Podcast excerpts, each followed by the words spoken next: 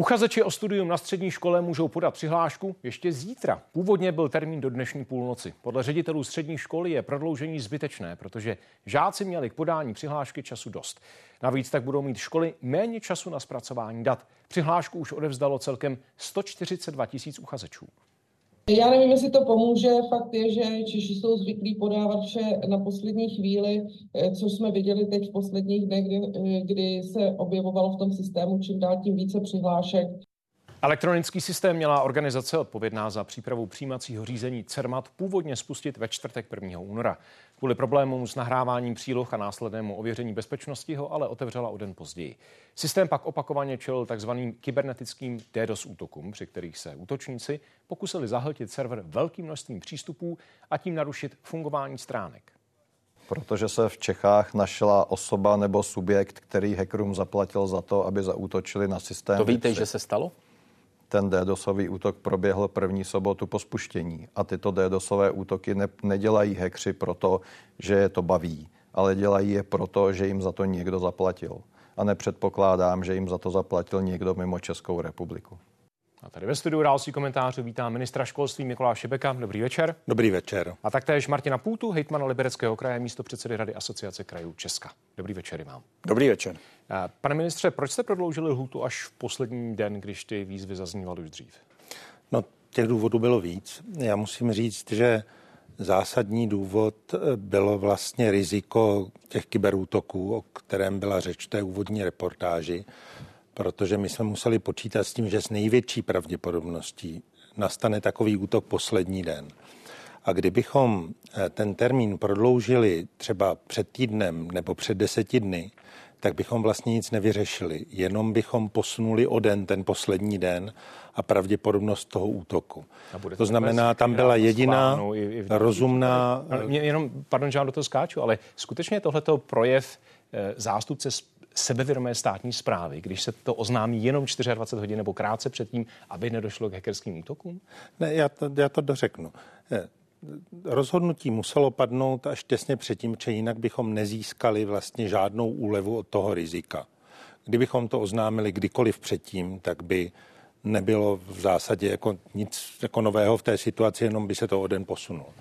Druhý důvod, proč jsme to oznámili dnes, bylo to, že jsme nemohli čekat do večera, zda se opravdu něco stane nebo nestane, protože to prodloužení termínu musí být zveřejněno ve sbírce zákonů.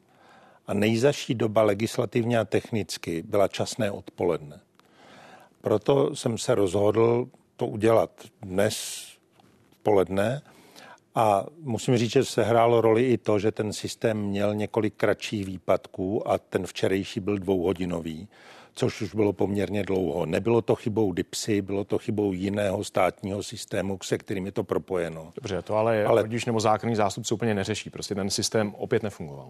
Ano, dvě hodiny nefungoval, proto jsem považoval za rozumné zabránit stresu v té poslední chvíli, když už byla nervózní ta první startovací fáze, tak teď se neděje nic, co by ohrožovalo termíny a podobně. Ten jeden den, těch 24 hodin jsme si mohli dovolit. Já jsem to konzultoval i s řadou ředitelů, také s předsedy asociací, než jsem podepsal to rozhodnutí. Myslím si, že dnes to moc pěkně popsal pan ředitel Zajíček, který zastupuje odborné školy. Školy mohou už pracovat na přepisu těch papírových přihlášek, kterých je nakonec mnohem méně, takže zítra mohou využít toho času. Zároveň jsme dali prostě určitý luxus těm rodičům, kteří to nechali na poslední chvíli. Je to poprvé, poprvé se to podává elektronicky. Já jsem rád, že těch přihlášek elektronických je nakonec více, než kdokoliv čekal. Z tohohle pohledu, tedy viděno zpětně teď, byly tohleto marginálie, co se dělo kolem toho, nebo to byly důležité věci, na které budete chtít znát odpověď, případně Dívejte, vyvodit zodpovědnost? Já myslím, že musíme rozlišit eh, tu zásadní změnu, ta je správná a já jsem rád, že jsme do toho rizika šli. Přes všechny ty průvodní neduhy, které to mělo na začátku, tak vlastně Kdybychom totiž postupovali obvyklými postupy, tak jak se v české státní správě digitalizace provádí, tak bychom to dělali několik let. Například Eh, rezortní informační... která by ukázala, ne, že ten systém nemusí vždycky fungovat. Rezortní informační znamená, systém ve školství se, dělá 9 let a nemáme nic přes nejlepší úmysly a spoustu výběrových řízení, která byla pak rušena, znovu obnovována. Já si myslím, že musíme přistoupit k zásadní změně v tom, že v některých rezortech budeme mít vlastní vývojový IT tým, který bude jádro těch systémů dělat profesionálně. Tohle byla partizánská cesta, kterou jsme se rozhodli jít, protože jsme prostě nechtěli vystavit 100 tisíc dětí znovu tomu starému způsobu.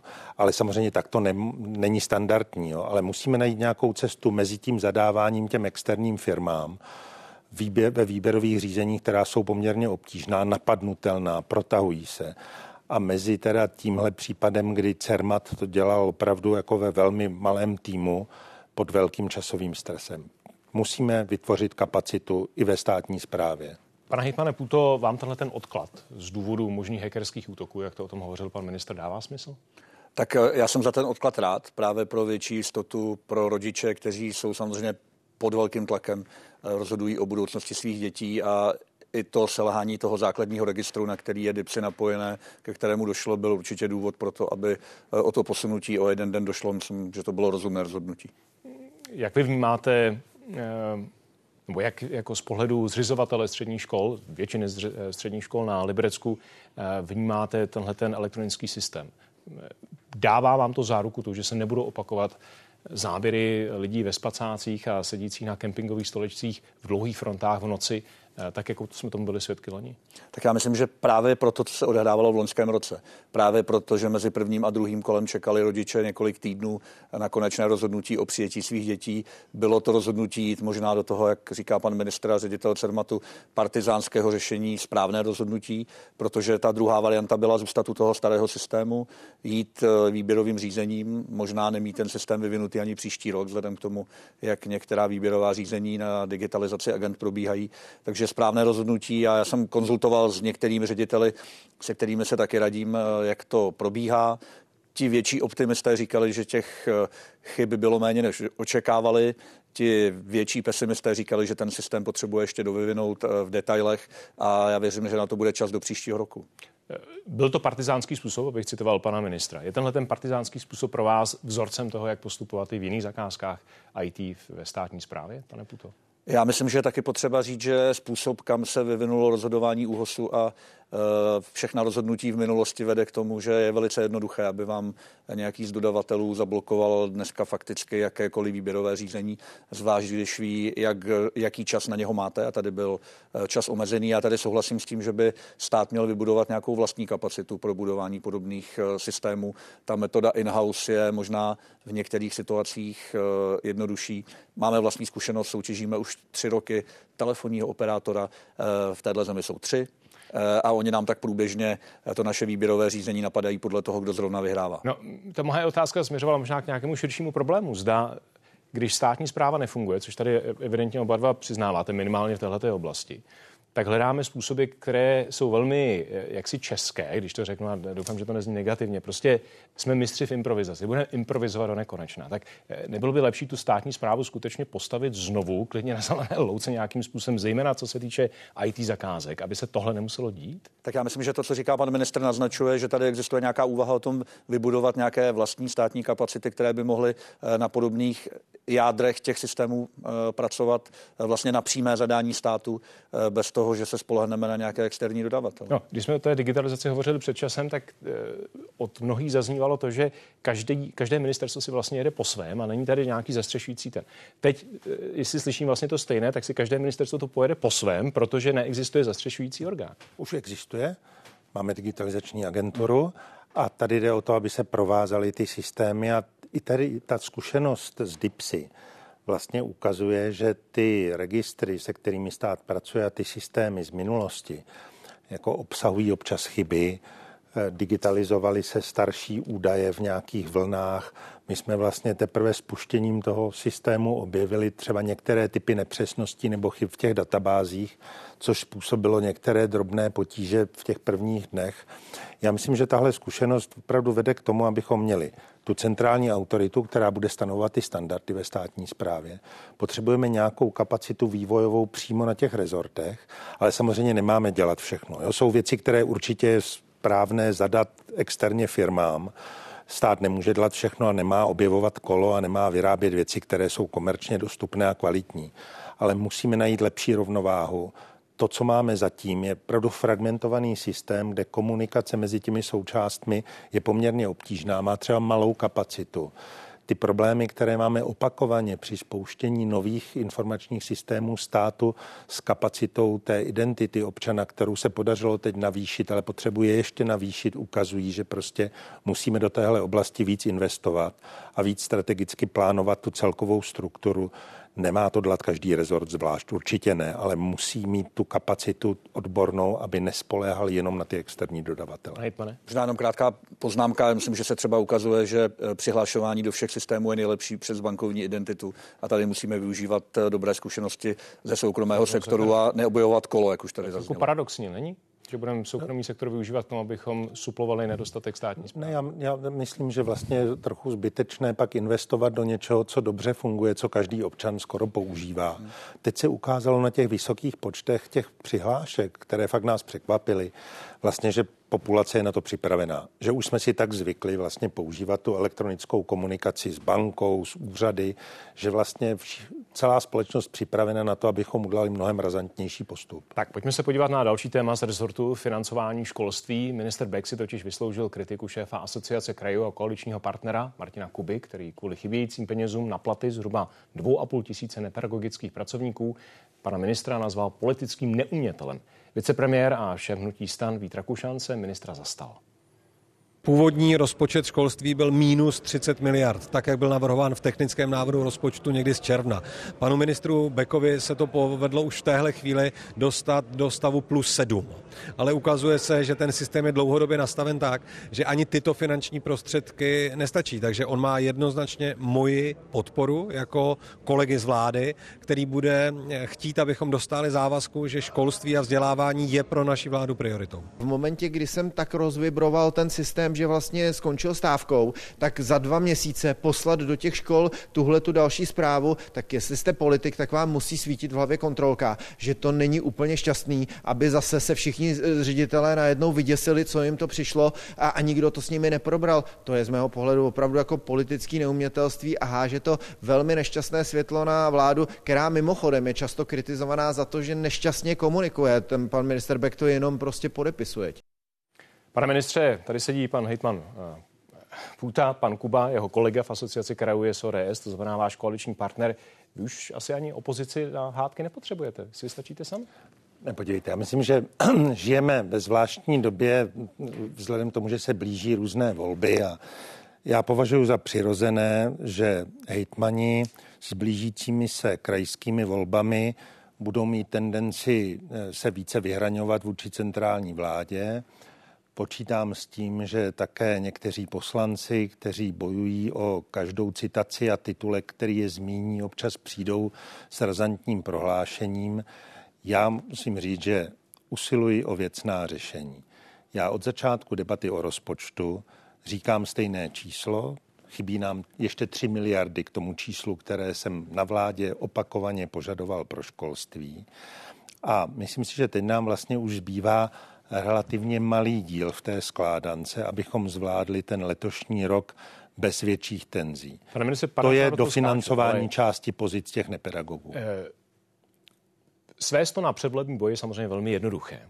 Nicméně vy nevidíte na té kritice pana Kuby nic podstatného, kde by měl pravdu. Všechno, co říká, není pravda. Já musím říct, že tu kritiku považuji za nefér, protože i kraje Všichni, kteří se profesionálně zabývají školstvím, viděli, jaký je státní rozpočet schválený na konci září. Tam byla redukce 17 tisíc pozic nepedagogů.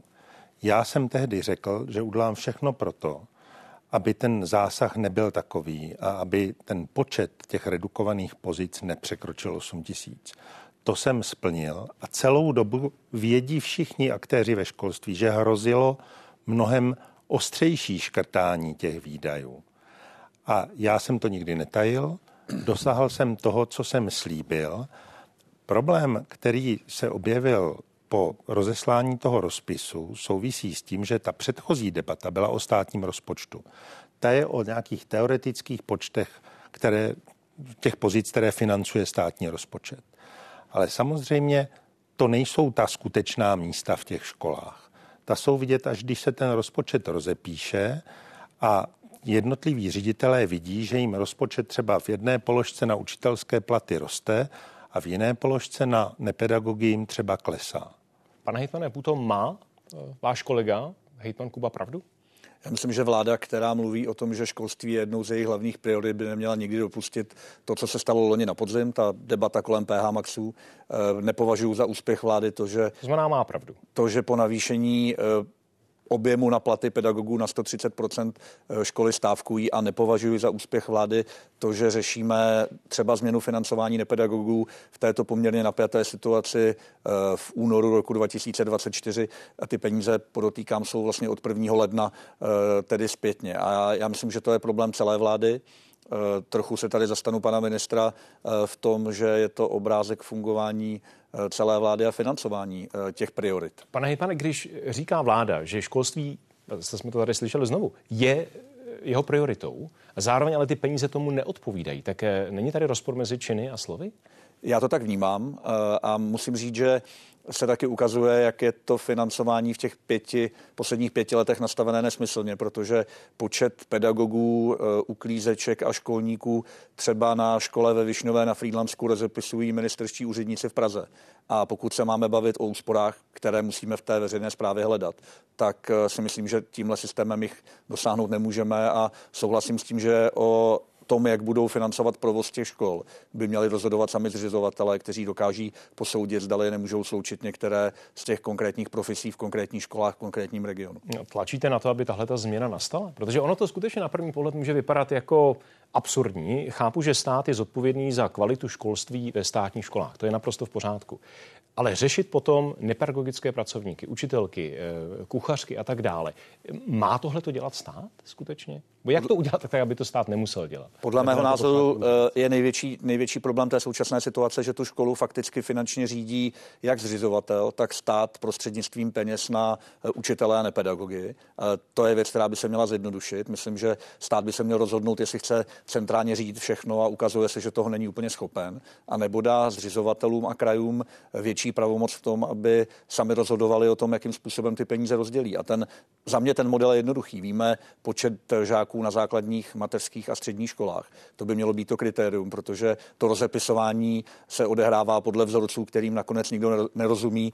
To konec konců může ukazovat i ta debata, kdy jednotlivé kraje vlastně nevědí, kolik v tuhle tu chvíli chybí na střední školy, na ty nepedagogy, kolik chybí na základní školy a, a budeme se k těm číslům dostávat v těch dalších týdnech. Pane ministře, dokážete, dokážete tohle ten systém rozdělit? Víte, já myslím, že je jasné, že teď nechci debatovat o těch prioritách. Jo? Prostě školství roste na rozdíl od jiných rezortů, které klesají, ale ten systém financování, který tady byl zaveden za minulých dvou vlád postupně, byl postaven na předpokladu jako věčného růstu počtu úvazků a počtu peněz bez ohledu na to, jestli bude přibývat dětí. Bohužel byl tak nastaven jako vlastně jako mandatorní výdaj. A já po svém nástupu, vzhledem k tomu, že se vláda a koalice rozhodla prostě stabilizovat veřejné finance, musel hledat praktické řešení toho, že tenhle systém musíme za chodu modifikovat. Bylo to provázeno nervozitou, i předseda odboru uznává, že ale kořeny toho problému jsou dávno předtím. Nejsou v těch krocích, které teď děláme samotný. Prostě oprava toho systému vyvolává nervozitu a myslím, že se nakonec podařilo najít velmi solidní dohodu kolem těch PH Maxů. To jde do vlády teď během několika dnů a po mnoha kolech jednání jsme se dohodli na hladně 95% a musíme opravit i to financování těch nepedagogů. Je fakt absurdní, aby premiér vicepremiéři, celá vláda řešili jako dílčí zlomky úvazku eh, ve škole, která má 50 zaměstnanců. To není rozumně nastavený systém. Tehdy před těmi pěti, šesti lety se stala chyba v tom, že vlastně veškeré financování na sebe převzal stát, normativní i to skutečné. Kraje z toho byly téměř vyřazeny a vlastně pak jsou tady školy řízené zřizovateli, které samozřejmě jako tvoří ve skutečnosti ty náklady a jsou odděleny ty pravomoci nevhodně. My musíme tenhle systém přestavět. My jsme o tom otevřeli debatu. Podle mě tady je cesta k politické dohodě, možná, která by říkala, stát přenese na zřizovatele financování některých pozic zároveň s nějakým podílem na daních. Předpokládá to dohodu o rozpočtovém určení daní a já udělám všechno pro to, abychom se na tom dohodli, že systém, kdy stát ručí za platy každého, ale vůbec neřídí ty náklady, protože on je neřídí, hmm. to řídí ti ředitelé škol, není dobře nastavený. Pane pane, jenom velmi krátce na závěr, dává vám tohle naději, že to stát myslí vážně? Že tady za několik let, pokud vy byste byl ve své funkci a pokud minister bude ve své funkci, nebudete řešit úplně tu stejnou věc znovu? Já myslím, že stát se musí eh, odhodlat k tomu, aby ten systém decentralizoval. To je první nutný krok. A ještě bych předeslal, že je potřeba dofinancovat ty chybějící peníze v letošním roce, aby tady vůbec vznikl prostor pro to jednání. To bude politické jednání, jednání eh, s asociací krajů, ze svazem města a obcí, Združení místních samozpráv a proto je v tom rezortu potřeba klid. A pan ministr mluví o tom, že mu chybí jedna, možná tři miliardy a myslím, že to jsou, je to částka, kterou by vláda měla co nejrychleji najít. Pánové, děkuji oběma za to, že jste byli hosty události komentářů a hezký večer. Díky. Pěkný večer. Děkuji. Díky za pozvání, pěkný večer. No a co nás čeká dále? Armáda schání nové vojáky. Co má udělat pro to, aby byla atraktivnějším zaměstnavatelem než ostatní hráči na trhu? Pro a proti čtyřdenního pracovního týdne. Pro a proti zkrácených pracovních úvazků. Další téma má nakonec potratová turistika. Film o polských ženách, které přijíždějí do Česka kvůli interrupcím.